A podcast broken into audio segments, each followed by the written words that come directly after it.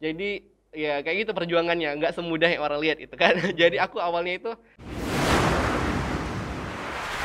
Let's start the podcast. Hello, my name is Bella. I took the IELTS finishing class right here in Best Partner Education back in August 2020. On the first day, I actually took a pre-class um, where I determined my scores in four of the skills. It's actually the first time I ever took IELTS test. I got six at the time. Then I studied for 30 hours, um, which took about a month or so.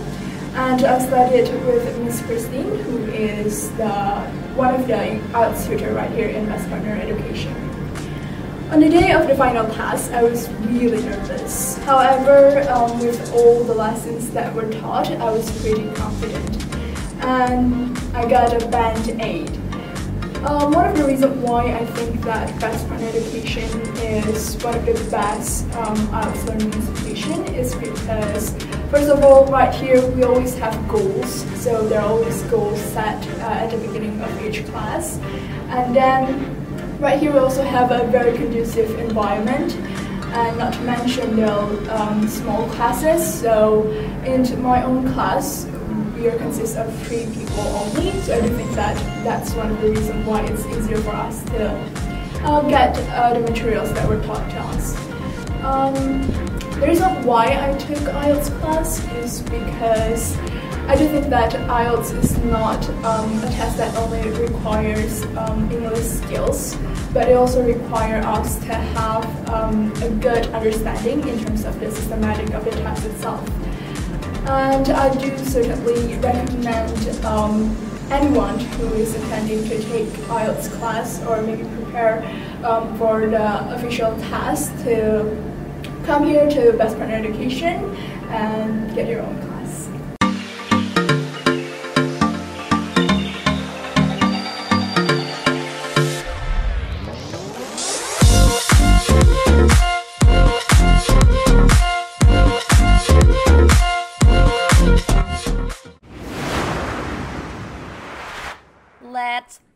the podcast. Halo Ayers, kembali lagi di I Records bersama saya Abdul Naza, podcast Komahi Untan. Nah, pada hari ini kita kedatangan tamu spesial nih, tamu yang konon katanya dapat menjawab pertanyaan dari internal HI Untan yang kemarin sempat muncul ke permukaan, yaitu kalau jadi mahasiswa HI bisa kerja apa sih gitu? Bisa kerja yang lain nggak sih selain Kementerian Luar Negeri atau ya eh, diplomat dan lain-lainnya gitu. Nah, kenapa sih tamu kita hari ini bisa menjawab pertanyaan dari eh, pertanyaan tadi?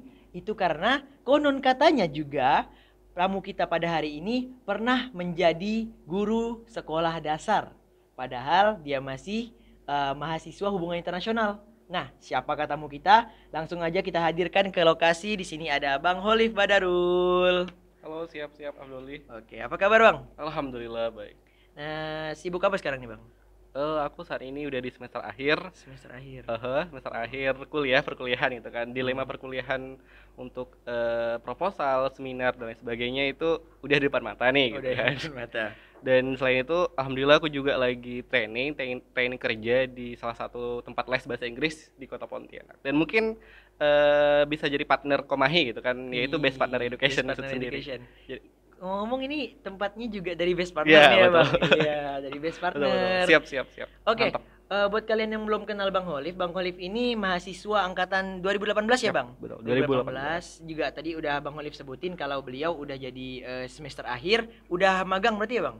Eh, nah itu mungkin bisa kita jawab di Oh. ini di jawaban kita hari ini gitu Udah kan ke spoiler dikit magang berarti ya kan soal magang apa itu magang gitu kan Oke, Bang Holif, eh, kita langsung ngomong-ngomong aja ini ya, Bang. Boleh, Eh, boleh, siap, siap. Sebenarnya yang Abang lakukan kemarin itu apa gitu, Bang? Yang Abang jadi guru SD itu apa, Bang? Apa itu? Oke, kemarin jadi guru SD itu sempat semester 7 aku ikut program salah satu program dari Kemendikbud yaitu program Kampus Merdeka dan subprogramnya itu Kampus Mengajar. Jadi eh, kami mahasiswa Kampus Mengajar itu eh, ditempatkan di seluruh SD dan juga SMP yang ada di Indonesia yang membutuhkan bantuan nih dari mahasiswa untuk peningkatan literasi, numerasi dan juga adaptasi teknologi. Jadi eh, aku kemarin ikut program Kampus Merdeka yaitu kampus mengajarnya gitu kan eh, untuk membantu sekolah-sekolah yang memang membutuhkan eh, bantuan terkait literasi, numerasi dan juga adaptasi teknologi yang mungkin saja sejauh ini masih sangat kurang nih eh, dan dibantu oleh mahasiswa kita yang emang mungkin melek dalam hal teknologi dan lain sebagainya. Jadi gitu eh, Hmm. Abdoli. Itu kampus mengajar tadi namanya ya, Bang? Kampus mengajar. Itu kalau boleh tahu Abang ngajar di mana tuh, Bang? Aku di salah satu kota Pontianak gitu kan Oh. SD-nya di SD Negeri 15 Pontianak Selatan Pontianak Selatan. Di mana alamatnya itu, Bang? di Purnama. Purnama. Agung 5. Oh, oke. Dan eh, kemarinnya itu eh, karena sekolah kami itu masih dibangun ya, dibangun dengan satu sekolah terpadu SMA 10. Jadi kami itu kemarin di SD-nya itu numpang di salah satu SD juga, SD 14 di gitu. situ. Eh, abang kemarin dalam satu satu tim berarti ya, Bang? Satu tim. Eh, satu tim. Itu satu timnya berapa orang tuh, Bang? Satu tim kita ada lima orang. Lima orang. Eh, itu dari teman-teman HI semua gak, Bang? No, kita dari Oh. eh, berbagai prodi dan juga univ. Tapi eh, kebetulan kelompok aku kemarin ada lima orang itu anak untan semua. Cuman semua. bukan eh, dari FISIP. Aku dari HI FISIP gitu kan. Ada dua ekonomi dan juga dua dari FKIP. Hmm, itu berarti eh, abang dan tim abang yang lima orang ini Eh. semuanya anggota kampus mengajar, Bang? Iya, benar. Anggota kampus Oke. mengajar. Kampus mengajar ini turunan dari kampus Merdeka tadi itu Bang? Ah, dari sub program dari kampus Subprogramnya. Merdeka eh, apa ya terobosan dari Mas Menteri Mas Nadiem Makarim gitu kan. Hmm. Nih bang, eh, kampus Merdeka, gimana sih abang bisa kepikiran buat ikut kampus Merdeka ini bang? Di Aku- tengah-tengah sibuknya perkuliahan nih. Kayak aku itu pas aku flashback dulu ya di semester 4 dulu itu pas ada mata kuliah eh, Bu Uli yang ngajar sebagai kaprodi kita gitu kan bilang ini ada program terbaru nih dari Kemendikbud namanya program Kampus Merdeka Eh, tapi eh, waktu itu kayak hanya dijelaskan bahwasanya kita bisa ke kampus luar ataupun kita bisa ikut program-program yang emang relevan dengan pendidikan kita. Jadi eh, hanya sebatas penjelasan itu aja. Jadi aku kayak eh, dari situ dari semester 4 itu aku kayak kepo nih apa sih kampus merdeka gitu kan.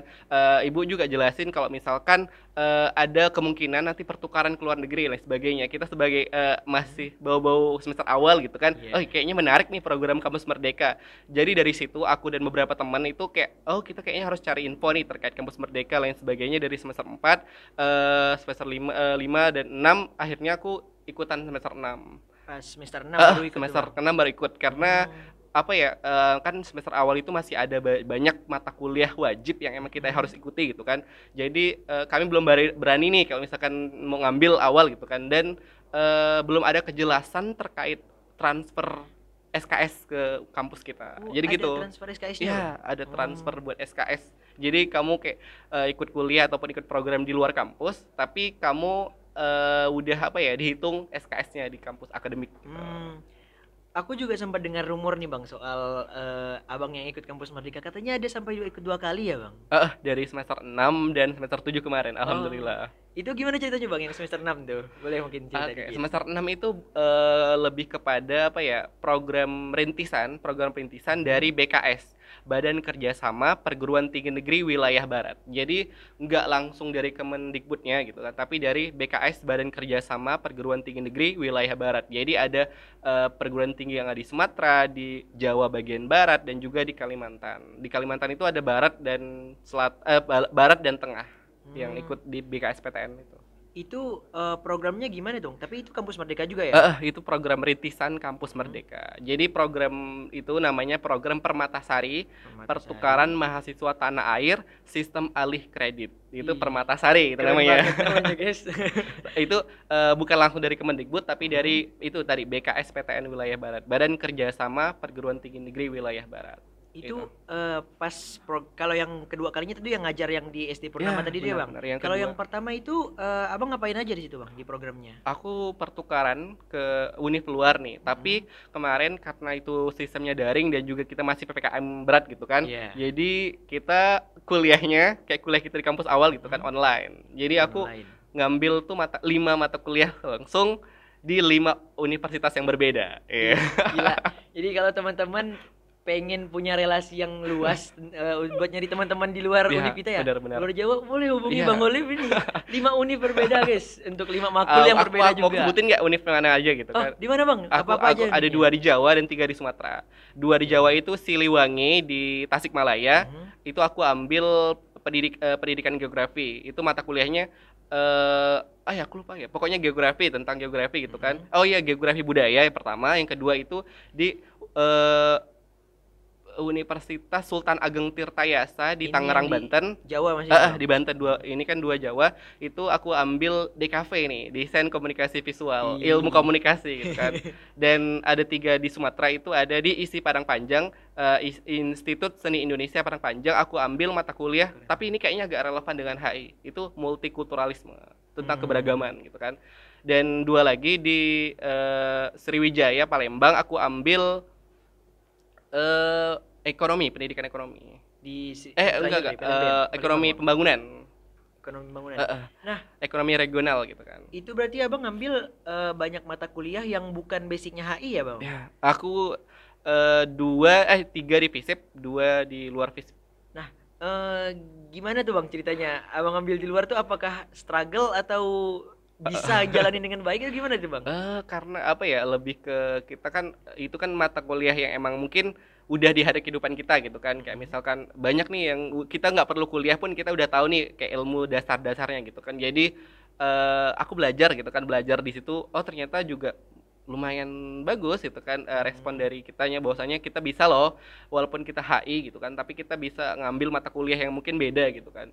Dan sebagai modal si Abdoli kayak misalkan oh ini ternyata mata kuliah ini relevan loh dengan minat aku gitu misalkan multikulturalisme misalkan sesuai dengan eh, apa yang mau aku ambil di eh, proposal penelitian dan juga skripsi gitu kan jadi aku bisa ngambil nih mata kuliah itu dan aku kayak lebih concern terkait multikulturalisme dan sebagainya Berarti apa yang diambil walaupun itu bukan basic HI bahasanya ya, Bang, itu tetap bisa relevan ke diri sendiri ya, Ya. pastinya. sebagai ya istilahnya kayak ilmu dasar-dasar buat kita aja gitu kan kayak nggak kita nggak harus jadi fokus atau concern di situ tapi kita punya apa ya eh, have a eh, more knowledge gitu kan kayak Hmm. pengetahuan lebih dari lainnya gitu kan oh ternyata mata kuliahnya ini loh oh gini loh ya kita pelajari dan lain sebagainya jadi kita kayak apa ya ada plus dari teman-teman yang lain nih gitu misalkan kalau oh ternyata aku udah punya basic ini loh dan sebagainya gitu kan Basic yang orang lain belum punya berarti ya, Bang. Eh, ya yang belum dipelajari belum orang lain orang gitu kan. lain. gitu, gitu sih Oke.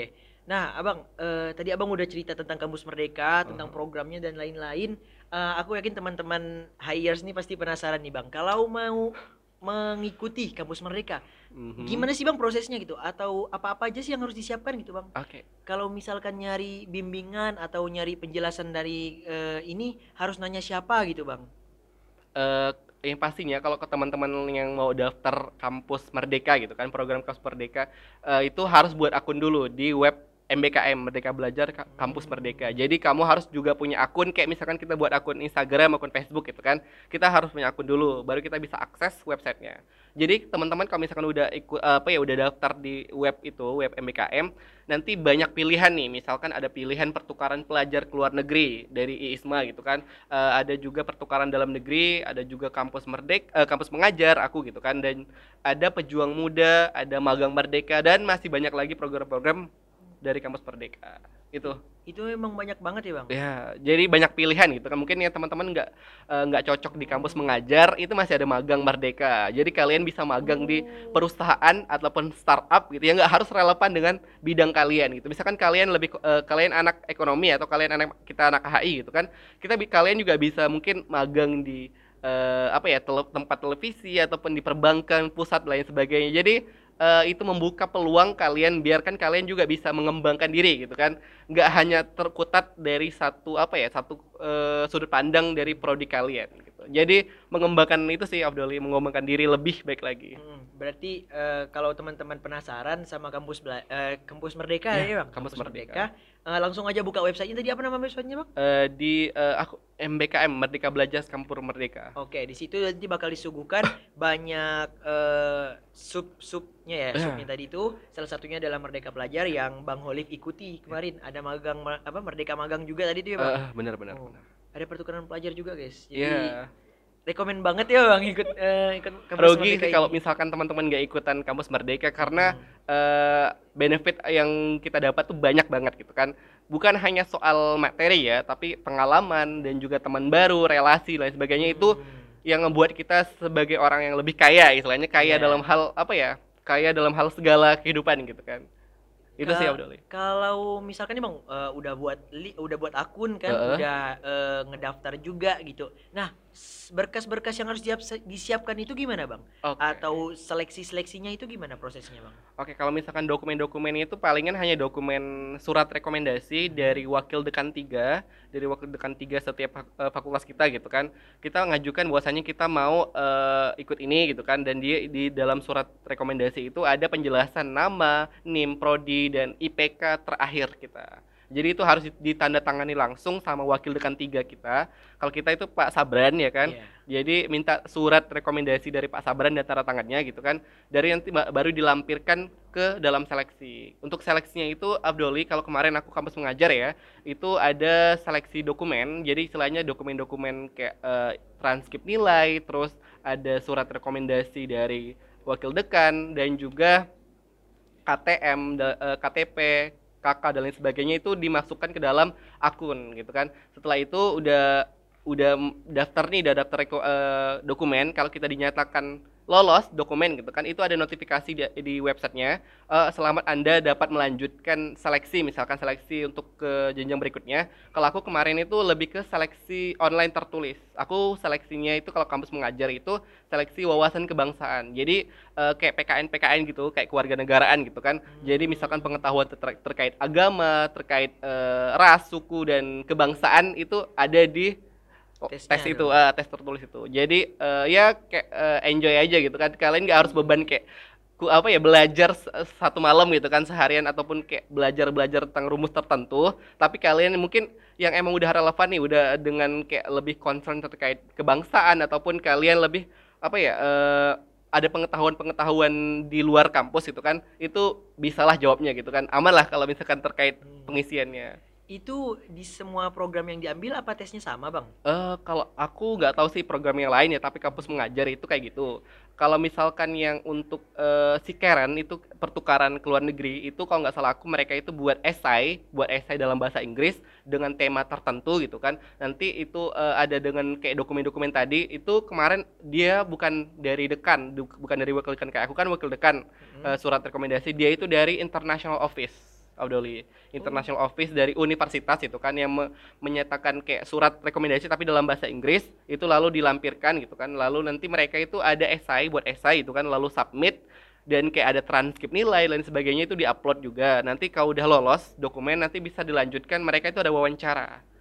Wawancara dalam bahasa Inggris kalau nggak salah aku Karen bilang kemarin mereka itu eh, wawancara terkait ya terkait apa yang udah mereka isi terus kenapa mereka memilih universitas tujuan gitu. Misalkan si Karen gitu kan milihnya di Korea University gitu kan. Hmm. jadi eh, misalkan mungkin ada alasan-alasan tertentu yang ditanyakan sama pihak interviewer gitu kan. Kenapa kamu milih itu dalam lain sebagainya dalam bahasa Inggris? Seperti itu jadi berbeda sih Afdoli dari setiap program aku aja kampus mengajar gitu dan si Karen kampus eh, IISMA itu beda seleksinya Udah dan eh, Berarti tergantung sama program, program lagi. benar, Iya, benar. Dan untuk yang aku semester 6 itu, aku kemarin itu seleksinya internal Untan. Hmm. Internal Untan itu dari akun Siakat gitu kan. Siakat ada websitenya, aku daftar di situ. Itu kemarin nggak ada, itu sih nggak ada interview. Karena itu hanya dokumen, kayak dokumen full.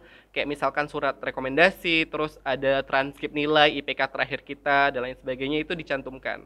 Karena kuliahnya online ya, kita nggak berangkat gitu kan. Eh, kita hanya mungkin dapat kesempatan belajar di kampus luar. Jadi eh, nggak ada seleksi lanjutan sih, hanya eh, seleksi dokumen gitu kan, dinyatakan lolos atau kita eligible gitu kan, misalkan minimal semester berapa dan sebagainya, itu langsung dapat pemberitahuan melalui email. Aku bahwasanya aku bisa ikut lanjutan dari Permatasari. Jadi seperti itu. Oke, berarti eh, apa-apa yang diperlukan itu tergantung dengan programnya lagi ya, Ya, Bang. benar, Tapi benar, yang benar. paling penting adalah data-data di awal tadi tuh yang Ya. ada eh, surat rekomendasi Ya, itu benar, itu udah pasti ya. Ya, itu. Cuman eh, tujuannya yang tujuannya mungkin berbeda Ya, kayak setiap abang- program gitu hmm, kan. Abang yang kampus mengajar eh, kampus mengajar itu dari eh, dekan 3 Dekan Waki, tiga. wadik, dek- Heeh. wadik tiga kalau yang dari kayak punya Kak Karen ya Bang ya yang pertukaran pelajar itu dari Mhm. International, Office. Office. Untan. Untan. Oke, Bang. Eh, selain itu, nah eh, kemarin kan berarti abang punya pengalaman dengan lima orang yang eh, abang termasuk lima orang itu atau di luar abang ada lima orang bang dalam tim itu bang? Eh, maksudnya? Eh, tim yang mengajar pas di SD ini bang? Aha. Eh, abang itu termasuk dalam lima orang ini atau teman abang ada lima gitu bang? Oke, aku termasuk lima itu. Termasuk lima itu. Eh. Nah, eh, di situ tuh gimana sih bang pengalaman abang di pas ngajar gitu, pas ngajarnya gitu. So, gimana sih. Kayak- ini anak HI loh gitu yang kerjaannya tiap hari nulisin paper gitu, maka- makanin makalah gitu loh. Tiba-tiba disuruh ngajarin eh, anak-anak ABCD gitu bang. Gimana ceritanya itu bang? Eh, kalau misalkan terkait itu kan kita ada lima orang nih Afdoli. Hmm. Jadi kita dibagi Afdoli. Kita nggak eh, konsen semua elemen gitu kan. Ada yang konsentrasi terkait adaptasi teknologi, ada yang literasi dan numerasi. Jadi Hmm. aku kebetulan kemarin dapatnya yang literasi. Jadi aku lebih ke melatih bahan bacaan ke siswa gitu kan. Yang mungkin mereka kurang bisa baca atau mungkin eh, mereka kurang minat baca. Jadi aku yang emang konsen terkait peningkatan literasi tersebut. Dan kebetulan kemarin eh, karena aku juga eh, sedikit mengambil yang adaptasi teknologi, jadi aku ngambil eh, apa ya eh, literasi terkait eh, penggunaan Google Meet ataupun penggunaan Google Classroom untuk adaptasi pembelajaran di kelas. Jadi eh, yang mungkin sebelumnya guru-guru masih belum ngeh atau bukan belum ngerti terkait penggunaan itu. Jadi aku kemarin eh, fokusnya ter- terkait itu Hmm, adaptasi teknologi dan literasi bahasa. Berarti selain dari ngajarin eh, membaca yang baik gitu, Aha. abang juga menanamkan eh, adaptasi tekno- teknologi juga di dalamnya ya bang? Benar-benar. keren keren keren banget. Nah, eh, jadi teman-teman, kalau kalian masih bingung apa itu kampus merdeka, apa benefitnya, tadi udah diceritain sama Bang Holif secara luas. Kampus merdeka eh, itu adalah program dari Kemendikbud ya, Bang. Benar-benar. Kemendikbud untuk kita eh, sesuai namanya aja itu kampus merdeka da, eh, memilih subtema programnya Mhm. untuk eh, salah satunya seperti kampus mengajar punya Bang Holif. Eh, terus kalau punya Kak Karen apa namanya, Bang? ISMA, Indonesian ISMA. International Student Mobility Award. Mobility Award itu eh, pertukaran pelajar ya bang Eh, dan masih banyak lagi gitu. Nah eh, benefitnya sendiri pastinya yang yang paling pertama adalah menambah relasi ya bang, menambah relasi, menambah pengalaman. Lalu eh, kalian bisa kayak kata bang Olive tadi tuh concernnya, walaupun concernnya di HI, kalian Aha. bisa eh, mengerti, ekspor hal-hal yang tidak pernah kalian pikirkan Yap, sebelumnya gitu. Oke, Bang Olive, pertanyaan terakhir nih. Oke. Abang rekomendasikan para hires untuk ikut kampus Merdeka nggak, Bang? Eh, untuk rekomendasi itu sangat ya kalau misalkan kalian sebagai anak HI kalau misalkan nggak ikutan program kampus merdeka itu rugi banget sih gitu kan Eh, karena program ini program yang sangat fresh dan juga program yang eh, bisa apa ya mengeksplor diri kalian lebih baik lagi gitu kan jadi eh, misalkan kalau kalian concernnya di HI tapi kalian misalkan minatnya di bidang-bidang tertentu nih Abdoli kan itu kan kita harus kembangkan lagi gitu kan kita nggak harus terkutat sama HI aja tapi kita juga bisa mengembangkan eh, apa konsen-konsen lain yang memang mungkin relevan dengan keterampilan kita pribadi gitu kan. Jadi ikutan kampus merdeka itu nggak rugi kok gitu kan. Bahkan kalian banyak untungnya bukan hanya soal eh, uang saku, bukan hanya soal materi lain sebagainya gitu kan. Ada ya. Tapi eh, kalian juga dapat kesempatan nih lebih dari yang lain itu kan. Dapat pengalaman, dapat eh, relasi, dapat teman baru ataupun dapat ya orang-orang yang mungkin bisa ngebangun kalian buat ke depannya gitu kan. Jadi eh, rugi banget kalau kalian nggak ikutan kampus merdeka. Tapi eh, aku tekankan lagi ya, kamu kalian nggak usah harus ikut mungkin program kampus mengajar kayak aku atau mungkin program pertukaran kayak si Karen, Isma lain sebagainya. Tapi kalian harus sesuaikan dulu nih. Misalkan kalian fokusnya apa, misalkan kalian mau magang gitu kan, Abdoli, kalian bisa ikutan magang merdeka atau kalian yang memang konsennya buat eh, sosial sosial masyarakat itu bisa ikut namanya pejuang muda. Ataupun program-program lain yang emang eh, dicetuskan dalam program kampus merdeka itu harus kalian ikuti karena rugi sih Abdoli kalau nggak ikutan gitu kan. Cuman eh, aku bahas aja lah ya terkait trikinya ikutan kampus merdeka ini gitu kan.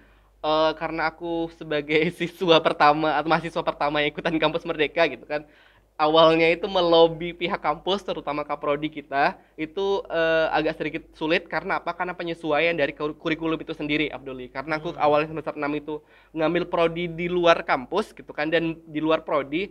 Jadi awalnya itu agak tricky kalau misalkan mau ditransfer ke eh, SKS dari akademik kita. Awalnya tuh pe- butuh perjuangan gitu kan. Dan aku sampai ngurusnya ngurusnya itu sampai ke rektor eh, ngurusin surat bahwasanya aku diakui loh nilai aku gitu kan akhirnya setelah itu kayak aku melobi lagi ke akademik kampus dan ke kaprodi alhamdulillahnya eh, Bu Uli mau menerima ataupun mengakui nilai aku itu sendiri. Jadi eh, karena pertama ya dan belum ada orang-orang yang ikutan kampus merdeka sebelum aku gitu kan.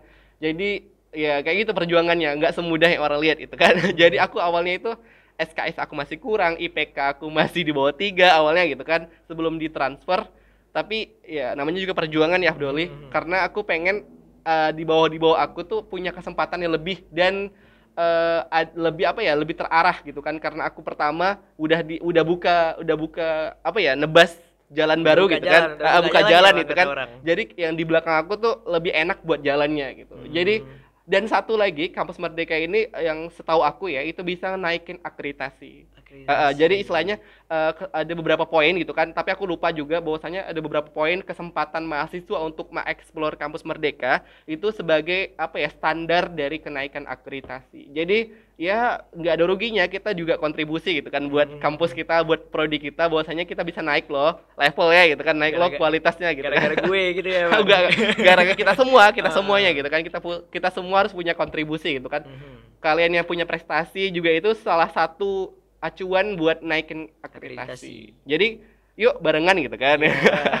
Jadi teman-teman hires, kalian udah dapatin rekomendasi langsung dari Ya. angkatan pertama eh, kampus Merdeka. Eh, HI Untan ya bang. Eh, Dan ya jangan lupa untuk cek websitenya. Dan buat kalian yang masih penasaran tentang eh, apa aja sih yang ada di kampus Merdeka, mungkin boleh cek eh, di websitenya langsung atau buka aja Instagram di kampusmerdeka.ri dan kalau ada pertanyaan eh, personal atau pribadi yang mengenai kampus Merdeka mungkin boleh eh, kontak abang di mana eh, nama Instagram abang? eh, at Bada Arul. Jadi at Bada Arul. Kalau misalkan mau nanya-nanya teman-teman gitu kan, mungkin mau- boleh nge DM aku ataupun langsung nge DM Komahi gitu. Misalkan mau ana- nanya-nanya dan Komahi mungkin bisa kena hubung ke aku Mm-mm. gitu kan.